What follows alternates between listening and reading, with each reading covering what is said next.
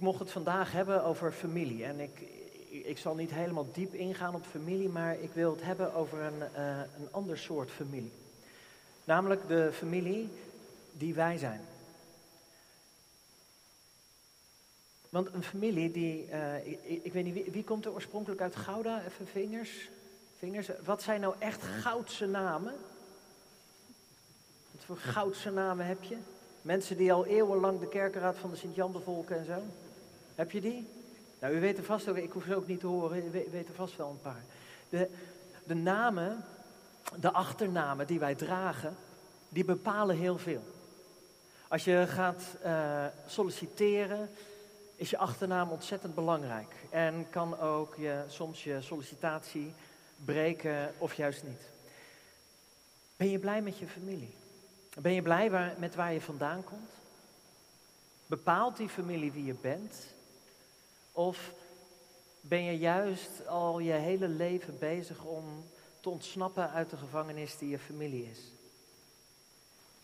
De een is voor het ongeluk geboren en wordt een streber, wil zichzelf bewijzen, laten zien dat aan de andere kant uh, van de brug, dat, dat, dat, je, dat je echt wel wat bent.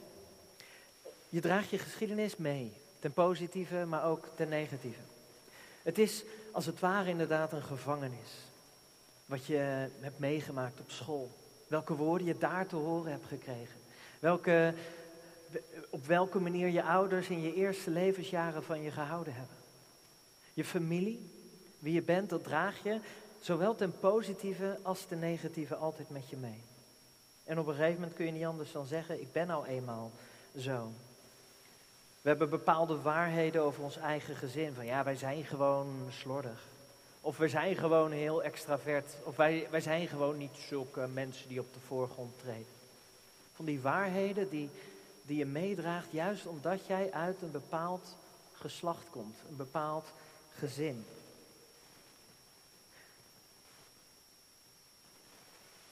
Die American Dream, het wanneer je maar wil, wanneer je maar hard genoeg inzet, dan zul je het redden, dat is niet waar. Uiteindelijk maakt je huidskleur, je afkomst, je, je opleidingsniveau, het maakt alles uit. En onwillekeurig probeer je te voldoen aan de verwachtingen die de wereld van je heeft, of juist deze overstijgen. En stel nou dat je een hoge afkomst hebt, hè, een van die belangrijke gezinnen van Gouda bent, dan worstel je je leven lang om ook zo goed te zijn als je ouders, als je vader, als je opa, als je moeder, als je oma. De maatschappij is in die zin nog steeds ingedeeld in klassen. Met het juiste genepakket red je het in de wereld. En dan is het 25 december. En op 25 december staat altijd dezelfde tekst op het rooster. Tenminste in uh, de wat traditionelere teksten, of, uh, traditionelere kerken. En dat is Johannes 1. En een van die versen, ik lees hier maar één, want het is niet de schriftlezing die ik wil lezen. Maar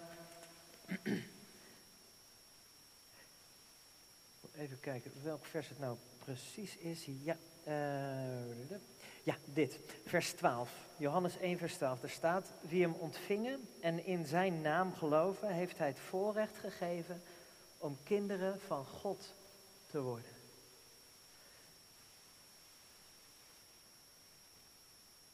Dit hele hoofdstuk, hoofdstuk 1 van Johannes, daarin probeert hij kernachtig weer te geven waar het in het evangelie om draait.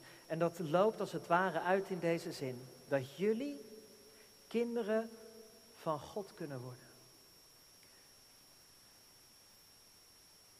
Nadat er een aantal dingen gebeurd zijn, een paar hoofdstukken later, komt er een man bij hem. Een man van voorname afkomst. Zo voornaam dat hij eigenlijk niet gezien kan worden met een timmerman uit Nazareth, die een veelbelovende rabbi is. Want ja, hij is toch hij is toch een beetje, ja, de een die vindt hem wel leuk, de ander vindt hem niet leuk. Dus wil je met hem gezien worden? Nee, want dat zou nog wel eens je hoge afkomst uh, kunnen uh, beschadigen. En die man die langskomt in hoofdstuk 3 is Nicodemus. Zo was er een fariseer, een van de Joodse leiders, ik lees vanaf vers 1, met de naam Nicodemus. Hij kwam in de nacht naar Jezus toe. Rabbi, zei hij, wij weten dat u een leraar bent die van God gekomen is. Want alleen met Gods hulp kun je de dingen doen de wondertekenen doen die u verricht.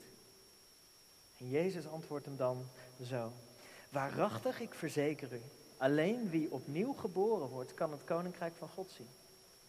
Hoe kan iemand geboren worden als hij al oud is, vroeg Nicodemus. Hij kan toch niet voor de tweede keer de moederschoot ingaan en weer geboren worden? Jezus antwoordde, waarachtig, ik verzeker u, niemand kan het koninkrijk van God binnengaan tenzij hij geboren wordt uit water en uit geest. Wat geboren is uit de mens is menselijk, wat geboren is uit de geest is geestelijk. Wees niet verbaasd dat ik zei dat jullie allemaal opnieuw geboren moeten worden. De wind waait waarheen hij wil, je hoort zijn geluid, maar je weet niet waar hij vandaan komt en waar hij heen gaat. Zo is het ook met iedereen die uit de geest geboren is.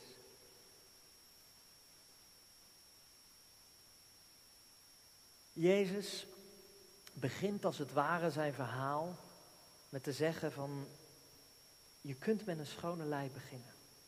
Je kunt volstrekt opnieuw beginnen. Je kunt niet langer zoals ik een brouwer zijn, maar je kunt van Christus zijn.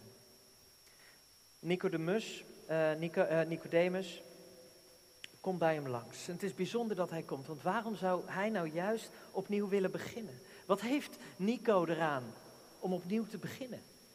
Hij, hij is al aan de top. Jezus gaat voortdurend om met mensen die juist geen hoge afkomst hebben. En hier komt iemand met een hoge afkomst. Wat heeft hij bij Jezus te zoeken? Waarom zou hij in de hemelsnaam opnieuw willen beginnen? In elk geval wil hij leren van Jezus. Wil hij horen over dat bizarre idee dat mensen opnieuw geboren kunnen worden. En dan zegt hij, en hij klopt aan en dan volgt die raadselachtige dialoog. Wat u zegt, wat u zegt, dat is, dat is geweldig. Ik, ik heb er jaren voor gestudeerd en u zegt deze dingen terwijl u maar een timmerman uit Nazareth bent. Uh, waar komt u in hemelsnaam vandaan? Bent u misschien een undercover boss? Komt u namens God zomaar in ons leven? En Jezus begint dan tegen hem te zeggen, tegen die man die alles heeft wat zijn hartje begeert, tegen wie opgekeken wordt, zegt hij, je moet opnieuw geboren worden. Alles wat je bent, Nicodemus, vergeet het, begin opnieuw. Van boven. Je moet opnieuw geboren worden. Dat is opnieuw geboren worden, dat is eigenlijk is dat van boven geboren worden. Neem afscheid van je geschiedenis, van je familie, van alles waar jij, Nico, je op voor laat staan. Begin from scratch. Je kunt alleen doen wat ik doe, zijn wie ik ben, wandelen waar ik wandel, als je dat doet. Je kunt alleen maar tot God naderen als je zijn kind wil zijn. Gods koninkrijk binnengaan. Dat betekent afscheid nemen van je geboorterecht en binnenstappen in een nieuw geslacht. Gods geslacht. Opnieuw en van boven. Hoe kan dat? Hoe zou dat kunnen? Mijn geschiedenis bepaalt me. Hoe kan ik in hemelsnaam loslaten wie ik ben? Wil ik wel loslaten wie ik ben? Wil ik wel die ander, die, wil ik wel al die andere mensen op wie ik nu neer kan kijken, wil ik die wel zien als iemand die potentieel een broer of zus is? Onderdeel van dezelfde familie. Wil ik dat wel? Wil je die ander zien als iemand die potentieel dezelfde potentie heeft, die, die dezelfde potentie heeft als jij?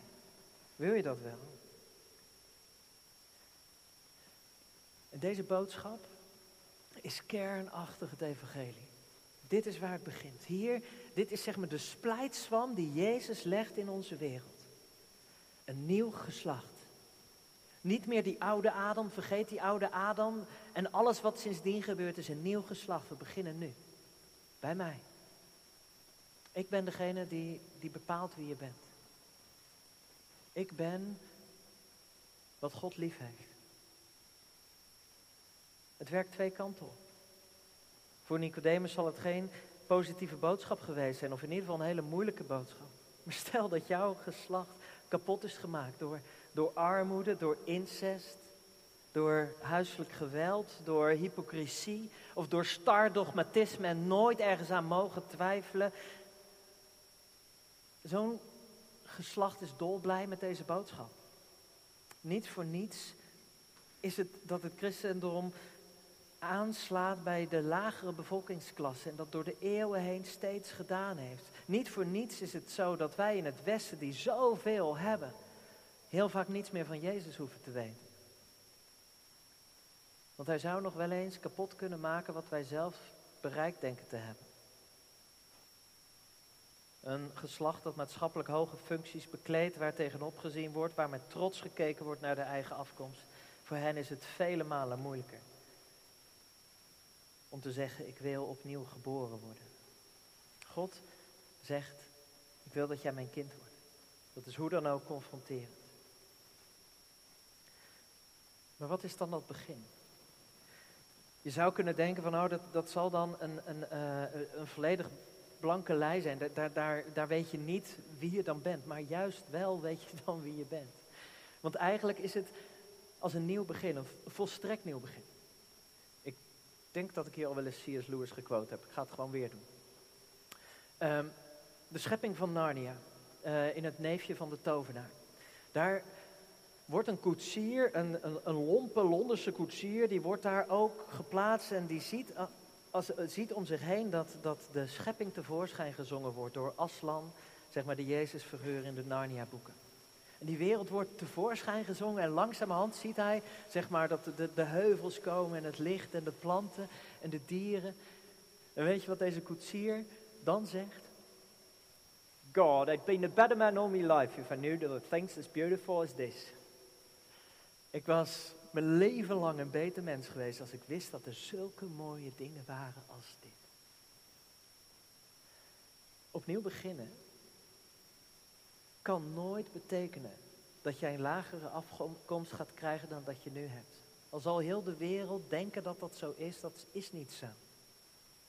Want op het moment dat jij de schoonheid, de goedheid, de liefde, de, de, het pure natuurlijke leven dat God voor ons heeft, gaat zien, dan, dan, dan kun je alleen maar zeggen, kom maar op.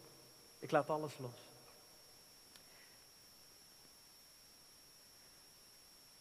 Maar van boven geboren worden is ook naar beneden geboren worden. Op het moment dat, jou de goed, dat jij de goedheid krijgt, dat God tegen jou zegt, jij mag mijn kind zijn. En dat jij gaat zien dat die persoon aan de andere kant van de wereld, dat die ook Gods kind is. Ondanks een totaal andere visie op deze wereld, ondanks zijn, zijn veel lagere wat dan ook. Op het moment dat zelfs die vervelende andere persoon die naast je in de kerk zit, ook een kind van God blijkt te zijn. Dan kun je niet anders dan ook naar beneden geboren worden. Dan kun je niet anders dan die ander ook gaan zien als een broer of een zus. Van boven worden is, geboren worden is geraakt worden door de nood in de wereld, omdat ik het zelf goed heb. Een radicale betrokkenheid op het lijden van de wereld en een grote verantwoordelijkheid. Ik, uh, ik ga even mijn preek loslaten en jullie vertellen over een uh, bericht wat ik vanochtend ontving. Ik ben uh, afgelopen, in 2020, pal voor corona, ben ik in Zuidoost-Azië op vakantie geweest. Super handig. Veel mee, ik zat in Bangladesh en ik zat daar met de organisatie Compassion.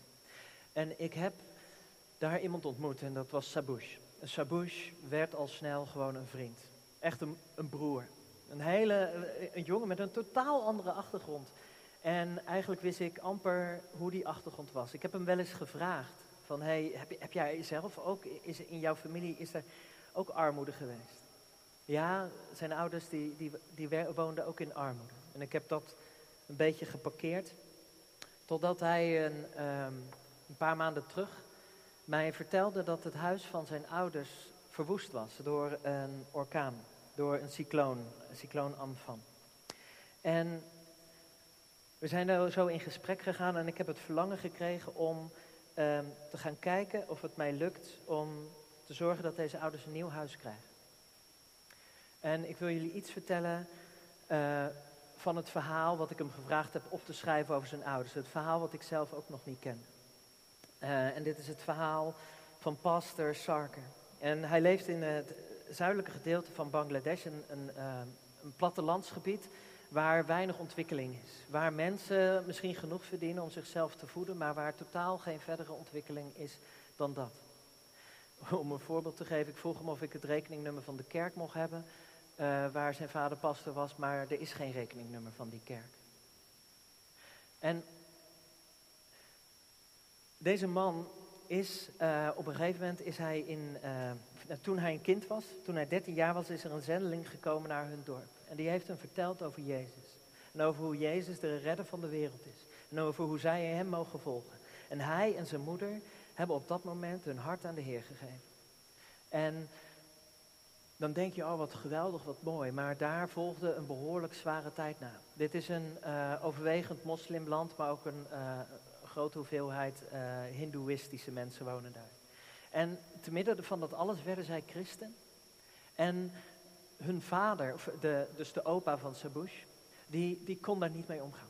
Die trok het niet dat zijn vrouw en zijn zoon christen werden en die probeerde het uit ze te slaan. Die heeft ze mishandeld, die heeft ze geslagen, die heeft, uiteindelijk heeft hij zichzelf zijn, zijn, zijn huis uitgegooid.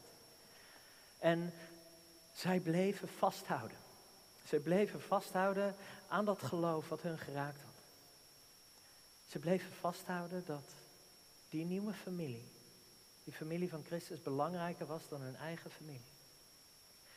En dat ging zo ver dat uiteindelijk uh, is die jonge, uh, die jonge Ruben is, is uh, naar een kostschool gegaan, ergens ver weg, waar hij door zendelingen onderwijs zou krijgen. En er is een moment geweest dat hij opa door begon te krijgen, ik ga ze niet terugkrijgen. Als ik het op deze manier blijf doen, ga ik mijn, ben ik mijn zoon en mijn vrouw kwijt. En heeft hij zendeling in zijn huis uitgenodigd. En vanaf dat moment is dat hele gezin christen geworden. Ze kozen ervoor om een familie los te laten. En uiteindelijk werd heel die familie door die keuze tot Christus geleid. Ik werd zo geraakt door dit verhaal dat ik het met jullie wilde delen. En ik, uh, het is nog allemaal niet rond om, uh, om geld in te zamelen, maar uh, volg, me, uh, volg me op Instagram, Pim Preekt. Dan zorg ik dat ik daar zo, wanneer, het, wanneer het inzamelen gaat beginnen, dat je ruimschoots kan geven. Dus wees niet bang, je mag geven. Je mag geven en we gaan proberen om een nieuw huis te bouwen. kost ongeveer 28.000 euro. Moet lukken met elkaar, denk ik.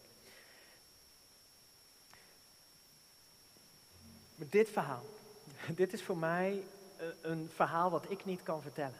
Dit is het verhaal van mensen die ervoor kiezen om hun leven in dienst te stellen van God. En deze man is sinds die keuze al 32 jaar pastor in, die, in, in dat dorp waar hij tot geloof is gekomen. En eh, hij is een zegen voor een hele hoop mensen om zich heen. En nou ja, de situatie is nu dus dat het huis waar hij in woonde echt een bouwval is. En van de Um, nou, van het loon wat ze hebben, kunnen ze eigenlijk alleen maar eten kopen. Kunnen ze helemaal geen nieuw huis bouwen. Um, dus, en dat is denk ik ook dat van bovenaf geboren worden. Je leven wordt niet makkelijk, maar je leven wordt anders. Je leven in dienst van God is uiteindelijk het mooiste wat je kunt beleven, al zal het er niet altijd zo uitzien. En dan ga ik kijken of ik nog een stukje preek over heb voor jullie. Maar het valt mee. Maar ik wil gewoon die vraag aan je stellen. Wie ben jij? En wat bepaalt jou? Is dat je familie? Kom je uit een, goed geslacht? Ben je er blij mee? Top. Fijn. En ik hoop, ik hoop dat je samen met je familie en ook in je familie een prachtige getuigenis van Jezus Christus kunt zijn. Maar stel dat jij zegt van hé, hey, ik zit hier en je raakt bij mij precies de zere plek. Ik haat mijn familie. Ik haat mijn afkomst, ik haat wie ik ben. En ik weet niet hoe ik er los van moet komen. Ga dan aan het einde van de dienst even naar het gebedsgroep. Volgens mij is er weer een gebedsteam, hè, geloof ik. En spreek hen aan. Kijk of zij je iets verder kunnen helpen. Om te gaan zien dat jouw leven vanavond mag beginnen. Dat je volstrekt opnieuw mag beginnen. En dat de goedheid van God nog veel groter mag worden in je leven. Amen.